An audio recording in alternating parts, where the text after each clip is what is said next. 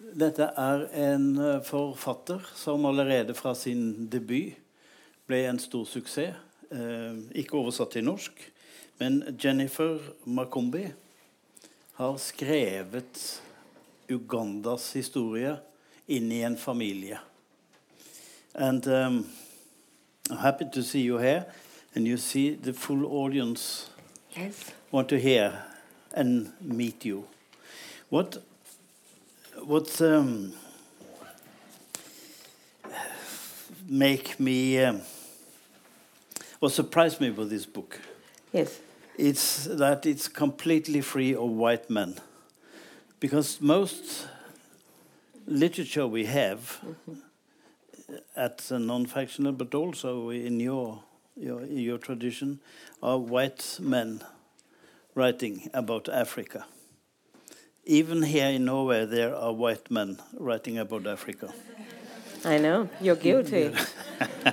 I am. So, um, but let's let's uh, start. Uh, This is a, a um, this is the history of Uganda, but at the same time, it's a history of a family. yes. It is. Yeah, and um, the colonial powers, I don't find them. Idi Amin, neither. I mean, these two elements is what we know about Uganda. It is uh, you have been there all the time, and then came the colonial powers, and then we got the written story about Uganda, Africa. But here you start before that and continue. Um, why did you leave all these elements that we normally get from Uganda out of your book? Okay. Uh, first of all, thank you all for coming. I am surprised that there are so many of you. I'm so unknown. I, I expected an empty room, just a few friends, but um, thank you for coming along. Um, I did leave Idi Amin out and colonization out because of those that particular reason. Uh, first of all, when I came to Britain, every time I told somebody, "Oh, I'm Ugandan," they're like, "Oh, Idi Amin," they're like, "Really? That is all you know about Uganda? Idi Amin? He's not an export, you know." And, and and then of course there are all these stories that have been written about him how he was a cannibal. Now let me tell you something. Amin was a bad person. He was really a horrible person, but he was Ugandan. Okay, so when a non-Ugandan, especially when a white person turns around and tells me, "Oh, Amin was a cannibal," I'm implicated as a Ugandan because he was my bad person. At that point, Amin comes into my, and I'm like, fuck off, you know, get off. This is a Ugandan. He didn't eat people because if you say he ate people, I'm guilty too. So this is why I left Idi Amin out because he had been made this into this monster, you know, uh, and and this is another problem with the West. Wh- Their bad people become monsters. They, therefore, they are reduced from humanity into the beast. But beasts don't do what Idi Amin did, or beasts don't do what Hitler did. But this is because we are not ready to handle the badness in us. So we re- remove that person and make him a monster. And therefore, in this space where we are, then we are human, we are good people. But actually, what Amin did is ridiculously human. It's only human that kill fellow humans, that find creative ways of bringing agony to each other, not animals. So in Uganda, Idi Amin is human. He was one of us. He was a bad one. Okay, so when I started writing my book, I, in fact, even though Idi Amin arrested my dad, and we almost lost him, you know, and he was brutalized, and in the end, I think I was around ten, he lost his mind.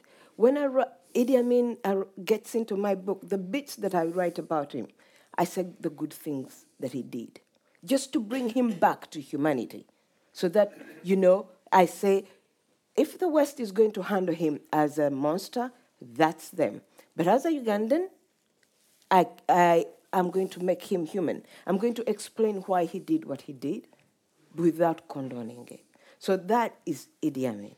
But when it comes to colonization, that's a very different question because when I came to Britain to study, um, I found people studying African literature, and it was quite obvious what books they were studying and which books they were saying are the good books. They tended to have colonization, they tended to talk about white people and how uh, terrible the white people were. And I soon realized that white people really love reading about themselves. They don't care whether you're saying bad things about them, as long as you say something about them.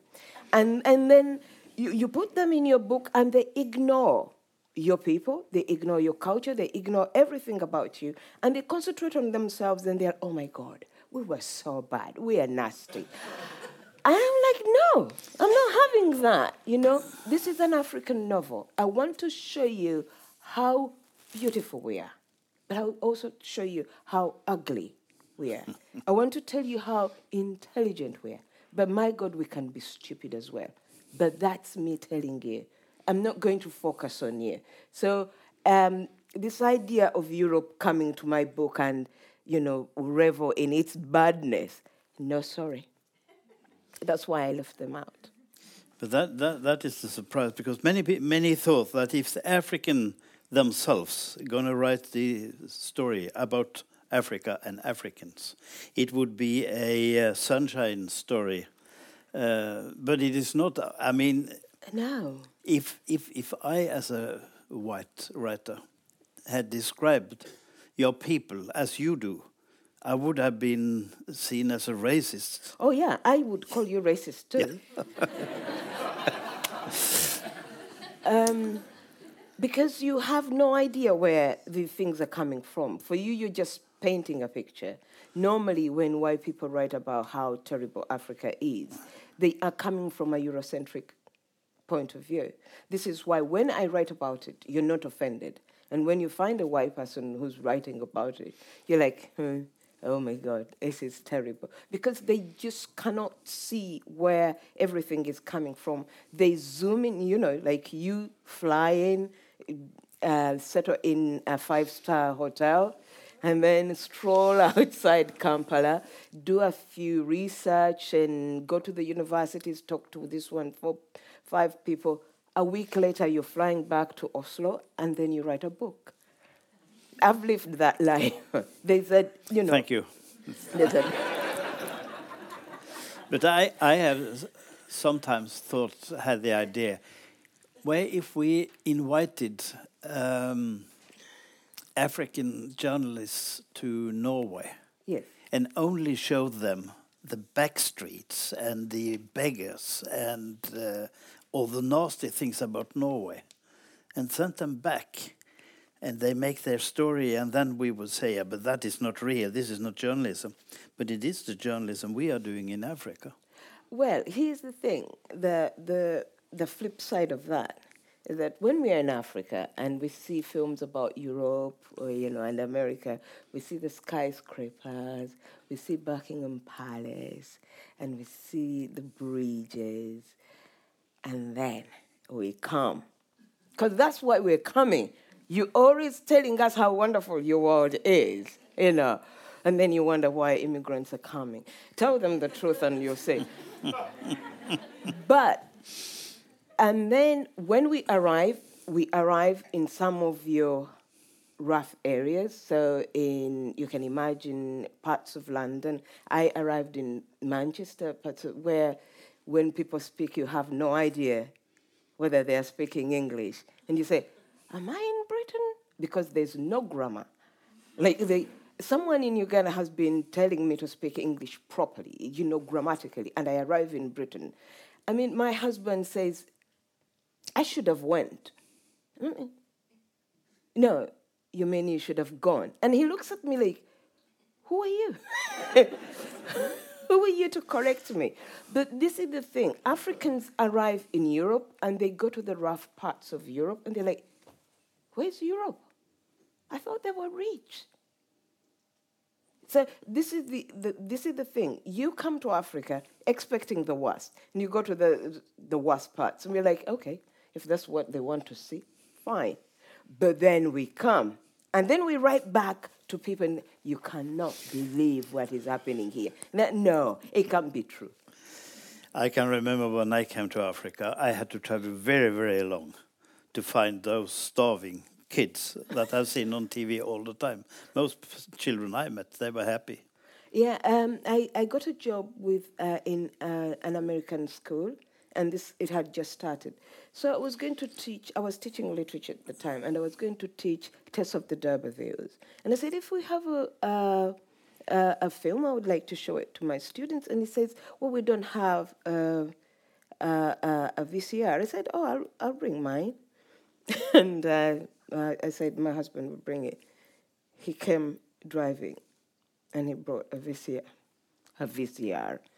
And he was like, That's your husband? A, a VCR? And I thought, Really? They sell them on the streets. They, they, they come with this idea that they are coming to a, a, an, a Uganda where we are sitting on the street, standing or squatting, doing absolutely nothing waiting for aid to come to Africa to get us off this because we can't feed ourselves. And I remember him saying to me, Jennifer, you need to write. You need to write. You need to tell the West that you, Africans are not lazy. You need to tell them that people are wealthy. And I said, why should I? I mean, I don't care. I really don't care what the West thinks of us. If they think we are starving, we are this, we are that, that's their problem, you know? Africa is tired of explaining itself. This idea of, come to me, come to me, tell me about Africa. No, not anymore. We're not interested. We want to talk about ourselves, to ourselves, you know? So uh, that idea that this is Africa, and therefore when you go there, this is what you're going to find, you'll be surprised. But I'm not going to help you. but that is what this book is about. It's about Kintu and yeah. his family. Yeah. And it is so that Kintu is the Adam, in a way, the 1st mm -hmm. person. The first man on earth. Yeah. But to you, it's a normal person. Yes, um, uh, this is, and, I, I, and perhaps I need to explain this. So when, I, because I taught literature, it's Western literature, I was aware of the roots of of Western literature, so the in Dante, in Homer, and all of that, yeah. But when I started writing, I couldn't look at myself in Things Fall Apart because that's a Nigerian book, okay. And the best way I could locate myself in the history of our creativity is in our oral traditions, okay. So Kintu is the first man on earth, and I'm aware that my ancestors were creative in terms of um, explaining where they came from, why they behave what, the way they behave, why they live where they live. This is their creativity. And for me, that is my, my literary roots. Okay? And it was important for me to start with Kintu. Okay? But I couldn't write the mythical Kintu, although there's an element of myth, mm, it's mythical in a way. But I, I knew that if I write a novel called Kintu, the Ugandans would pick it up and know exactly what I'm doing. Now, even though I locate him in the 1700s, Kintu is supposed to have started with time, and he's supposed to have started the kingdom of Uganda. When Ugandans read it, they knew what I was doing. And I did not pretend at all to write to anybody, you know. I wrote to a Ugandan reader. I wrote to an African reader. And this was because when I was growing up in Uganda, I was reading Shakespeare and I was reading um, Henry James and all of the, the canons. But those people did not write to me. No one uh, thought that, oh, we're writing these books, but they might be read by Africans, so let's make it easy for them. Now, if in Africa I could read about, you know, this is the winter of our discontent. Now I'm telling you, at the equator, there's no snow. So I had no idea what winter was. But by God, I did Shakespeare and I passed. I'm not going to make it easy for the West to read my books. I'm not going to write to them. I'm not going to explain things to them. Because when I read your books, you don't explain to me and I think you're intelligent enough. If I'm intelligent enough to understand your books, by God, you're intelligent enough to understand mine. That's why. uh, Chintu, or Kintu, as I said, uh, Chintu, um, it's generation after generation, and halfway I gave up with all these names. No, oh yeah, there are so many, so many names, so many wives, so many kids. They're twins all over, and they're magic things that you simply just take for granted. Not Oh, yeah. as I would have done, made it a, curious, uh, exotic things. But what are the val values of your Chintu family? Um, here's the thing. Um, th- the names. Do you know how hard uh, uh, Norwegian names are? No. they are. I, I, I, I can't pronounce your surname, you know, but I doubt that if you wrote a book, you would simplify it for African. So even the non-African names, they are there in their inter. You know, we tend to want to say, okay, uh, my name is Makumbi, and I'll call myself Maki to make it for easy for the West to understand. No, that's not happening anymore. If we are going to uh, work with a name like Schwarzenegger, uh, for goodness sakes, you can deal with Makumbi, okay? um, um, uh, he, uh, the thing about uh, lots of characters. So when we read Western books, there's always one major character, and you follow that character to his, you know, whatever happens to him. In African books, this character is born around w- within a family. And he is what he is because of this family. So you're going to know his family. So his father is married to six wives. The six wives will be there because they are mothers of his brothers, you know? So all of them will be there.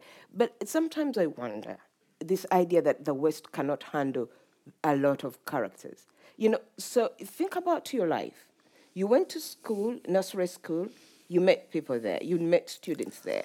Then you went to primary school, you met a lot of students there. Then you went to university, you've been working, and most of the time you remember these people.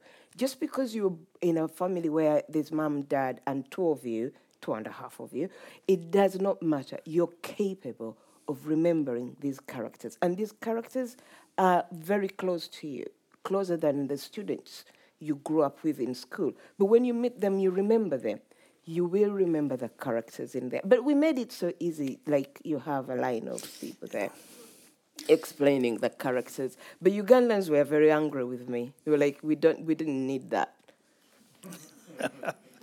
But um, I, I'm used to the uh, the uh, the profile of the uh, macho African man.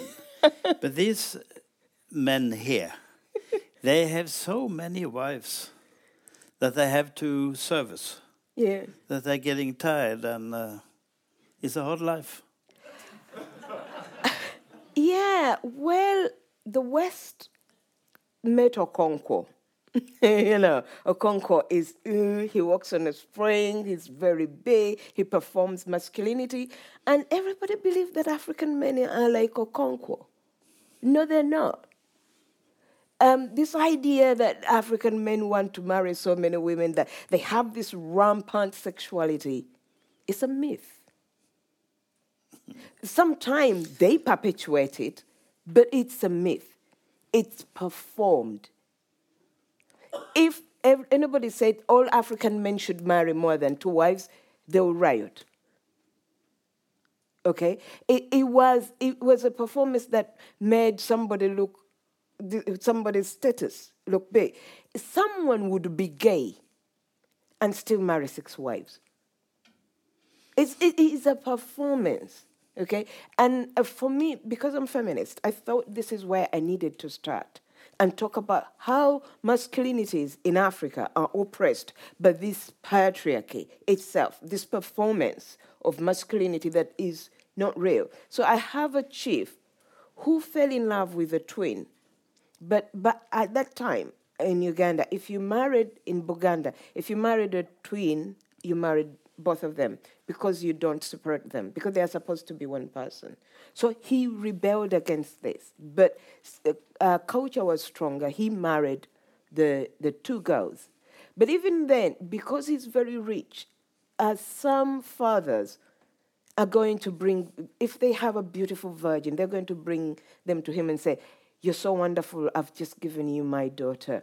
You know, the wives would go out and say, Okay, they brought a new wife, they would give her a place to live, and then they would say to the husband, You really need to go and visit the new wife because, you know, she's entitled to a week or you staying with her because he used to do those rounds around the wi- the wives. To see the wives. They are spread all yeah, over. Yeah, they were st- spread over the re- region. But the wives were running this whole thing because they were saying, okay, every part, whenever you travel, there will be a wife and there will be a family, you know. But you have to spend a week with each one of them. But he was only in love with the first woman, the twin. He fell in love with, and so sometimes he, you know, you literally collapse and the twin would be like, okay, here are the portions. Take that portion, it's going to give you more strength. Carry on with your duties. So I just wanted to show that this is a performance, that this is not really masculinity. And uh, how would a European writer handle this stuff? A European writer would say, they have orgies. they, they, they put wives, six wives in the same house, and he bops from one wife to another, which is absolutely stupid. An African woman would not let you put him, her, in the same room with another woman while you're with her. You know, that's, it, doesn't happen. You, uh, uh, uh, you'd have, if they're in the same compound, you'd have the big house, and then each wife would have her different house, and then the husband would spend a week with each family because it's not so much spending time with the wife, but spending time with your children with the wife. And that was important. But of course, it comes from that racist idea that African or black people are sexually rampant. It's a lie. But you're a feminist. Yes, I am. Don't you have any problems with the system where a man can have as many wives as he wants? I do. It's not the opposite. Yes, I do. I do. But uh, uh, for uh, for my culture, me coming head on with you men are doing this, you men are doing that, so you, that without showing them that I understand where they're coming from, it doesn't work. They just resist. Okay, and uh, we we when we the way we approach feminism, it's we don't take it at the rate of Europe. We don't do it the way Europeans do. We are not going to ban bras. We really, The you know. African feminism. The African feminism is quite different. How is it? We, we are aware that men are oppressed as well by uh, patriarchy. The big thing is patriarchy. So I'll tell you one thing that happens in, in Uganda. In my culture, a man does not go to the kitchen. Okay? You don't. Even your mother keeps telling you, get out of the kitchen, kitchens are for women. But the result of that is that men have been eating bad food for years. You know, not every Ugandan woman knows how to cook. Okay, so you go, you find a beautiful woman, you marry her, and she goes to the kitchen and brings you that. And you eat that for the rest of your life because your culture says you can't cook, you can't go to the kitchen. So that is not fair. A lot of men are saying, hang on a minute, this is not right. The other thing is um, men pay dowry for women because uh, children belong to the man. But it's such an expensive enterprise because the minute you start dating this woman, you take over, you look after her, you give her money, you do everything for her, and then you marry her and you look after her, but you also look after her mother and her father.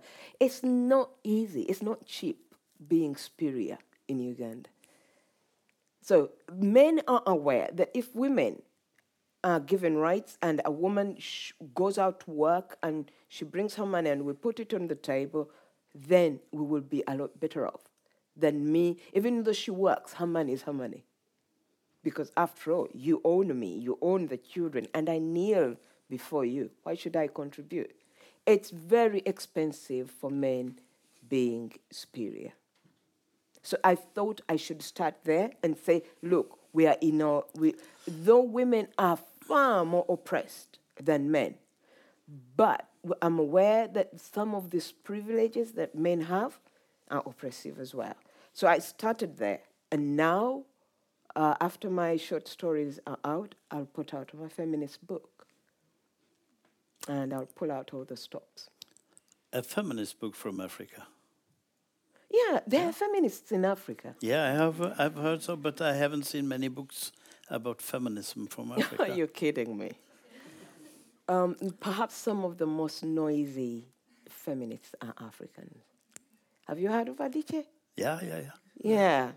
Uh, uh okay, uh, yeah. Uh, in Britain, in Europe and America, feminism became an F word, and feminists were uh, fearing talking about things because men were getting all fragile and stuff. And this African woman came along and said, What?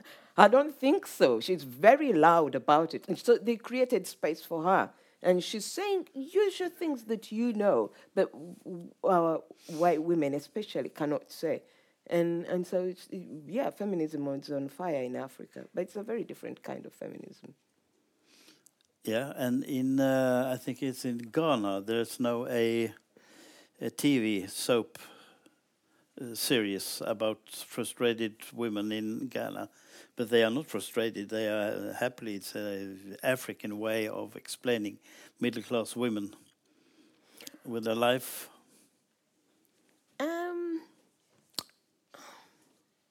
You know, Africa is pretty big, so I don't know what's going on in Ghana. no. no, no, I, I was just wondering how politely to remind you. It's more it's more, than 50 countries so, uh, are um, different. No, I don't know how Ghanaians are doing it. Uh, they are way, way, way up there in um, West Africa. Yeah. Uh, this big family you are describing, mm -hmm. um, they have their values in the family and the way of living. Um, do you see that in U Uganda today? Is these values kept? Is there, I mean, in any culture, it changes all the time. This is my culture, you can say, but it changes all the time. But has Uganda been changed so that these old traditions, and some of them are very good, are kept in your country? That's a very wide thing to ask. um, see, we are like every other culture now because there's a way the West looks at its culture and imagines that uh, um, the, the only Africa is changing, and there's a, this romanticization of the African culture, and it should stay untouched and, and remain as it is. Uh, the whole world is being changed by the money culture because even I imagine uh, Norway is changing from uh, or the onslaught coming from America. Yeah, yeah, exactly. Yeah, we are changing like that. But then America itself is complaining. It's losing its culture as well. So for me, I call that money culture. But um, like all other cultures, you, you confront a certain culture, a new culture, and you get rid of what is no longer relevant, that's no longer serving you. And then you take on new things that are useful. So, um, for example, the Uganda I left behind in 20, 2001 is not the Uganda that I find in 2018. It's changing. But I'm not mourning, I'm not in loss of what has gone, as long as what is there now is serving the people who are leaving. So um, some of those cultures, that are elements, were wonderful, but even if you bring them, they are they are not useful, even though they were wonderful. They were good at the time. But some of the things that are serving us are kept. So, for example, if you read the book, um, in the beginning, um, when a man is going to get married, both a, a man or a woman, they'll have a, a, a, time and talk to you about sex, properly about sex, because they know young people may not know, and especially at the time, people married without you know having boyfriends or girlfriends, and when um, colonization came, sex became embarrassing and a taboo subject. So it almost died, but still, aunties were being whis- were whispering with their nieces and uncles, whispering to their uh, nephews. But now it, it has come back to such a big way that um, on radio you'll find programs where they're talking to children about sex. But also there are also programs that where the, you will hear someone say, "It's time to put children to bed," and this is a program for grown-ups, and they'll talk to men and women, you know, about sex. So those are still surviving because they are necessary. But what is not necessary doesn't matter how wonderful it was. It can't survive. You you have been living in England since you were 17, something No, like no, that? since 2001. 2001. So 17 yeah, years. Okay. When when you uh, are longing back to Uganda, what are you longing for? Um, I well, I long for those things that um, a person who didn't grow up, an African who didn't grow up in Britain would. So one of the things I long for is to arrive in uh, and walk in a country where uh, I don't stand out. You know, so every time I, I I arrive at home, I realize that my shoulders just go, like th- that. uh, When I'm in Europe or in Britain, um, I walk with, you know, like a guard is on, like I'm prepared to to confront something, someone. And I arrive in Uganda and I just go like, oh, you know, oh God, yeah, they all look like me. and, and and the other thing is my mannerism began change. Um, in Uganda, I'm a lot different from the way I talk, uh, the things I say, the way I. How? Yeah, I am quite different. I didn't know, but again, that is something I picked up. And then there's food. You know, uh, in Uganda we eat something called matoke, and we call it food. So if a Ugandan, if you give a Ugandan food and there's no matoke, you haven't given them food, you know. So even my son, who has grown up in Britain for a long time, would say, oh, "Mom, we are having food for Christmas." I say, "Yeah, we are." But and uh, my husband, who's British, would wonder, "What, what have we been eating all this time?" And say, "You know, it's, we are going to have matoke," which he does not understand doesn't know how to eat it. So it's the two of us. That's the moment when we're just me and my son, like, mm, mm. and my husband is there with these mashed potatoes. And um, so it, it, it, it's those things. It's, um, um, it's the things that I left behind that um, I didn't carry with me. But having said that, I arrive home and. um first of all, mm, my mother tends to say to my sisters, the British came back, keep time. You know how she's like. And then you realize. Uh, and then two weeks I've fallen out with everybody, and I'm like, I'm going back. So it's not, um, I'm just saying it's not perfect at home. It's not necessarily perfect just because I long for it. Uh, yeah, I do get back home and I annoy a lot of people. Yeah. I, I, I wonder what reactions you get on this this book here because Yeah. it is so steaming African. It's your world, and it's so fascinating to follow into uh, Kintu's world. Um, what are the reaction about Africans and Europeans? Um, the um, Africans have been very, very complimentary. Um, I've met Ugandans who say, "Oh, you you wrote about my family, even the names, because of course we're named according to clans. So if I have a family, then the names are going to come from the same clan, and then places. So and place was very important to me in this book, because even before I left Uganda, I knew about New York. You know, I knew about the Statue of Liberty. I knew uh, Times Square. I knew about the, the, the, the certain buildings. And it was the same with London. I knew about Thames. I, I knew about Buckingham Palace and all of that.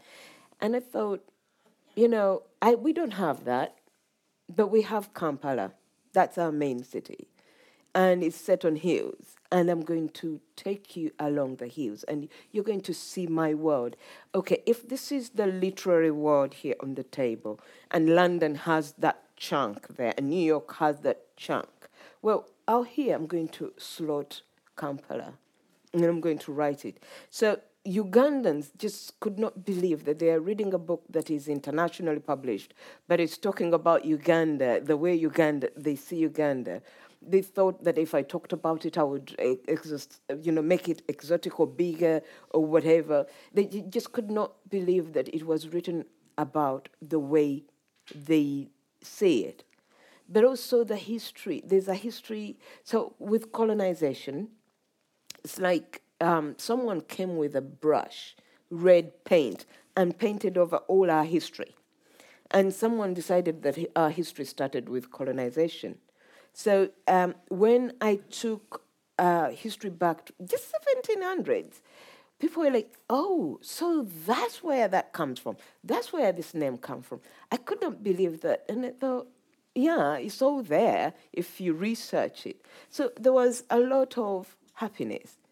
Um, but of course, we are uh, perceived as the the homophobic center of the world. And one of my characters is well, we don't have a name. Uh, it, it, we wouldn't call him homosexual because the Ugandans wouldn't call at that time they didn't call him homosexual. They wouldn't call him gay because they, he was just human you know. Yeah. But it's just that he's um, he was ridiculously good looking, but he was also ridiculously masculine. Okay, because there was this perception that gay people are slightly feminine or effeminate, but he's ridiculously masculine. Okay, and and he's a good person, and he's a warrior, the biggest warrior in the uh, in the army, and so Ugandans were like, ah, hang on a minute. Homosexuality came with the, the British brought. That's wonderful. The British brought. yeah, they, they, made it a crime. Yeah, they, they no, they Ugandans say that the British brought homosexuality. They taught Ugandans how to be homosexuals. And, uh, and, and so when historians start to say, no, no, no, no, actually, the British stopped homosexuality. It was, people were just, you know, like that. So you ask, oh, what is his case? Yeah, he's human. That's, that's what he does. It, it wasn't surprising, it wasn't interesting at all. But then they arrived, and one of the kings was, you know, had his men and had his women. We're like, oh my God, they stopped it. You know, so when it comes back in the 1700s, before the arrival of the British, Ugandans start to ask, okay, so you're serious? I mean, and they are hard. Like, Jennifer, really? Yeah, even if it used to happen, you don't have to write about it. You know, we stopped. We stopped that kind of thing. I said, no, you haven't. You only stop when you stop having children. Um, and, and so there was a lot, because they were pretty happy about the whole book. And this one thing about homosexuality was the one thing they were not happy about. They just kept silent about homosexuality. You don't talk about it. But I suspect if the king had still had those powers, he would have invited me to the um, to the palace and whipped me. Don't write that again. Go back and write good books, not homosexuality. And he can. Tell me, where where are you going after this uh, Kintu book? Um, I had written a second novel, and uh, the, the, the one I'm talking about, the the feminist novel. Yeah. But because when this book first came out, in when when my publisher sent it to a, a British agents and pub, and ed, and publishers, they said it's too African, it's unreadable. They were saying things you were saying, like too many names. The names are unreadable, eh, you know that that sort of thing. Um, and so it won the award in in Africa. and it was reviewed for a very long time. And Africans were like, "What are the British? What are, what is? It, it's like this is the book we would like you to read about us. What is going on?" And so, the Americans then one American, a very tiny publisher, took it and and published it, and it got a, a, a good review. And so the British picked it up. The irony is that the British have read it. Actually, they've understood it, and the names have no problems at all. But there was, before that happened, it was like 2014 and 2017. In the middle there, I finished a, a book and a collection of short stories. And the agent and was like, you know what? We need you to put out the short stories first. And the short stories are about Ugandans in Manchester. Ah, familiar, you know. Um, they speak English. They have names that they have twisted around to, you know, to fit European sensibilities. And my agent was like, yeah, yeah, yeah, let's, before you publish the second novel, you know, in order to over, overwhelm readers, let's put out the collection of short stories. So the short stories are coming out first before the novel, but that is because at first they thought maybe if we put out a collection of short stories and people can, uh, the West reads the short stories, they'll say, oh, I trust this reader, I can read her African book. What is your, that's my final question, what is the contribution from your culture to Europe?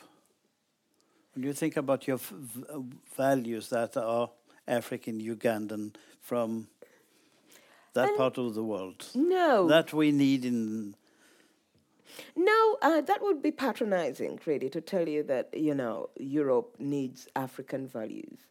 You have your values; they you, they have developed naturally in tandem with your culture, your political values, your mix. social values. I want to mix. I want you to blend in with your qualities into the. No, no, um, uh, because we are so offended by the idea that Europe thought we needed their values and therefore they imposed them on us.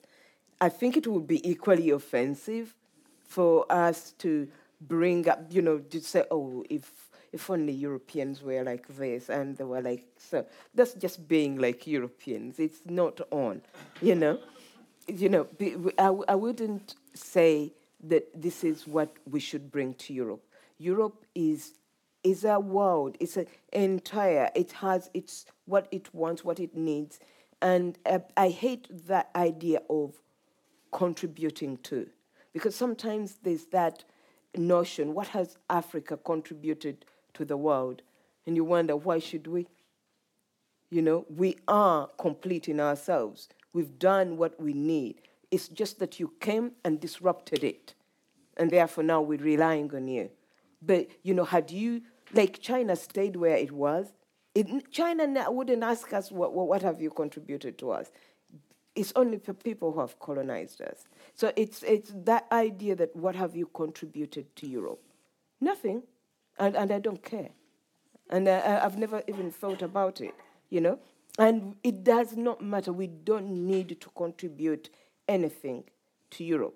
I know Europe thinks art, music, um, and literature, those are the major aspects we do. But there was art in Africa. It just we didn't, it didn't last. You know, there, there is music. It, music is just ephemeral. It comes, it goes. We don't hang on to it. We don't have Bach, you know, who was from a long time ago, who may not even make sense to us anymore. Music is, you know, it comes, it goes. Whether that music has been has contributed to Europe, that's no big deal. This is music that is catering for our needs now. So in, in terms of culture, and that's why I'm talking about all of those, in terms of culture, I don't think we need to contribute to Europe. And I don't think uh, that the world necessarily needs African values. If they do, they'll find them. Here's the thing Europe struggled with food, you know? So they traveled to India and got the spices and the food, and all the food is here. That's fantastic, you know? But India didn't come here and say, you need our food because you don't have good food. Okay. And India is not going to sit down and say, oh my God, we have contributed to world food. We are wonderful. it, it, it doesn't matter to them. Do you know what I mean? So those questions for us non Europeans don't arise. What have you contributed to? What can you bring to us? In dialogues of this type, Jennifer, the white man is always losing. Africa is complete. No, yeah. no, uh, no the, here's the thing. I, I was quite comfortable with you. I could say, I mean, I could have sat here and told you nice things and, you know, yeah, we could contribute to your music and we would, but I wouldn't want to patronize you. It's patronizing, really. Anyway, thank you so much.